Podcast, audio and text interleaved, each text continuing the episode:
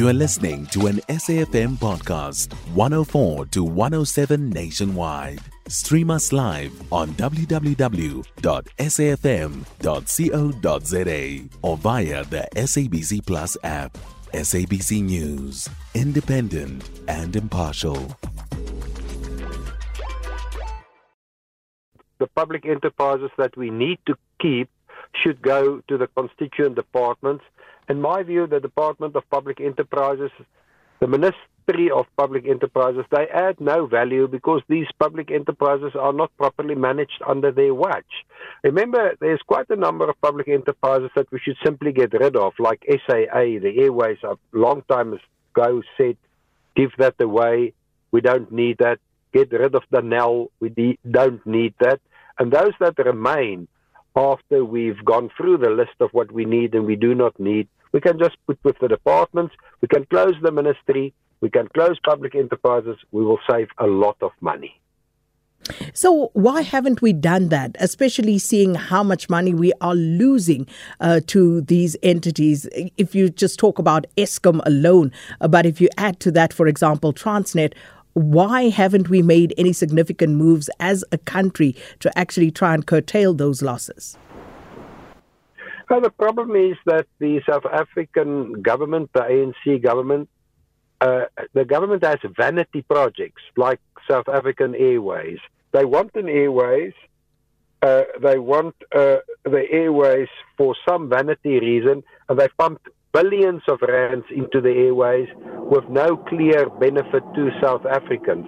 So until such time as the ANC has decided to get rid of its vanity projects, the South African taxpayers will have to continue paying. And then after they've gotten rid of the vanity projects, they should focus on fixing those entities that we really need for South Africa's growth, for South Africa's development, and for job creation. Places like Eskom and places like Transnet. We seen enough accountability, though, when it comes to these state owned entities, be it the vanity projects, as you put it, uh, such as the airlines, or uh, some of the more strategic uh, state owned enterprises? Is there enough accountability for South Africans to be satisfied? Of course, we can't, can't be satisfied with the uh, performance of these state owned enterprises. We have big problems in Transnet and we have load shedding. Now, how can South Africans be happy with Eskom's performance if we have continued load shedding? We've had it for the last 15 years. So clearly, South Africans can't be happy uh, with the performance of these entities. For us to be happy, these entities should uh, supply uninterrupted, for instance, electricity or uninterrupted railway solutions. But given the catastrophe that we face, where is the accountability? Has anyone really been held accountable, Professor, in, in, in the real sense for the collapse of Eskom, as an example? No, there's no accountability in the ANC government. Nobody is held accountable for anything in the ANC government. I mean, the names of some people that have been mentioned in the Zondo Commission that submitted its report more than a year ago, no action has been taken by the ANC government. No action has been taken by the South African government against people implicated in the Zondo report. It's as if the Zondo report is uh, forgotten. So there's no culture of any accountability in the ANC government. That's part of the problem. So, even if there's no accountability, as you say, in the ANC government, uh, where does this leave the rest of us as South Africans? Uh, at how and at what point uh, does the South African uh, population say we need accountability and how can we enforce that, if at all? We can enforce accountability next year in a general election by convincing people not to vote for a corrupt and incompetent ANC government.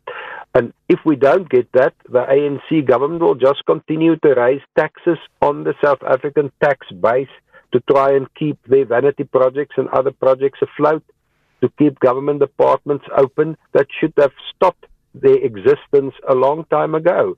So the only way to get this government to accountability is to withdraw support in a general election. That's the only way that the ANC can be called to order.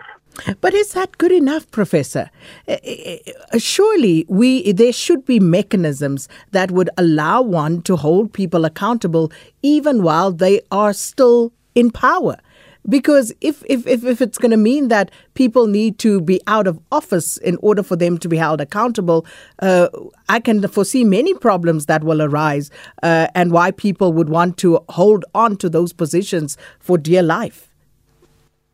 Number one, we expect from the President of the Republic not to appoint incompetent or corrupt people to cabinet.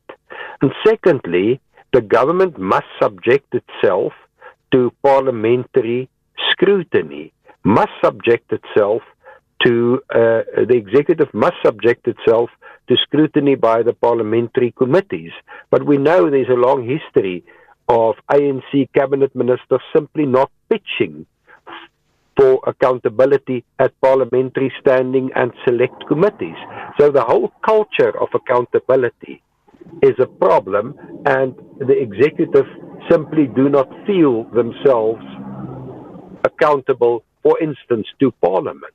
So it's a total lack of accountability because we allow corrupt people to keep their positions. Uh, Professor, do you share the sentiment that Minister Gordhan um, only remains safe in his portfolio because uh, he's considered to be part of President Ramaphosa's inner circle. Yes, I do uh, agree, and please, uh, it's not only true only for Minister uh, Pravin Gordhan, it's also true for a number of other cabinet ministers. Part of our problem, of course, is that President Ramaphosa has created too big, too much of a so-called presidency with four ministers four deputy ministers in his presidency. That is really something that's going to give us problems going forward. We've seen this thing grown. It's wrong. It's not subject to parliamentary oversight. It's wrong. We should never have allowed that. So it's not only Minister Gordhan that survives because he's close to the president. There are also other cabinet ministers surviving on the same grounds. So again, as you say, uh, you know, it is wrong, but it continues unabated because seemingly as uh, the South African electorate is just powerless.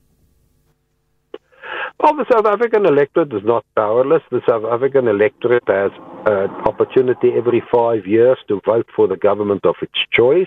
We are a democracy. And then, of course, we also have municipal elections, uh, again, in a five year cycle. So it's not that the South African electorate is powerless. It's how the South African electorate decide to use its power at the ballot box. And please, I have to hasten to add that it's very important that we have to have free and fair elections in 2024. And for one, I'm in favor of perspex, transparent ballot boxes. Well, Professor, we're going to leave it there for today, but thank you so much, uh, economist at Wits University, Professor Jannie Rossouw. And, um, you know, quite a few opinion pieces being penned at the moment uh, talking about uh, the untouchables being safe, as uh, Professor Rossouw points out, those who seem to be in the inner circle of uh, the president uh, continue, even though there may not be any real accountability or where things are really going wrong.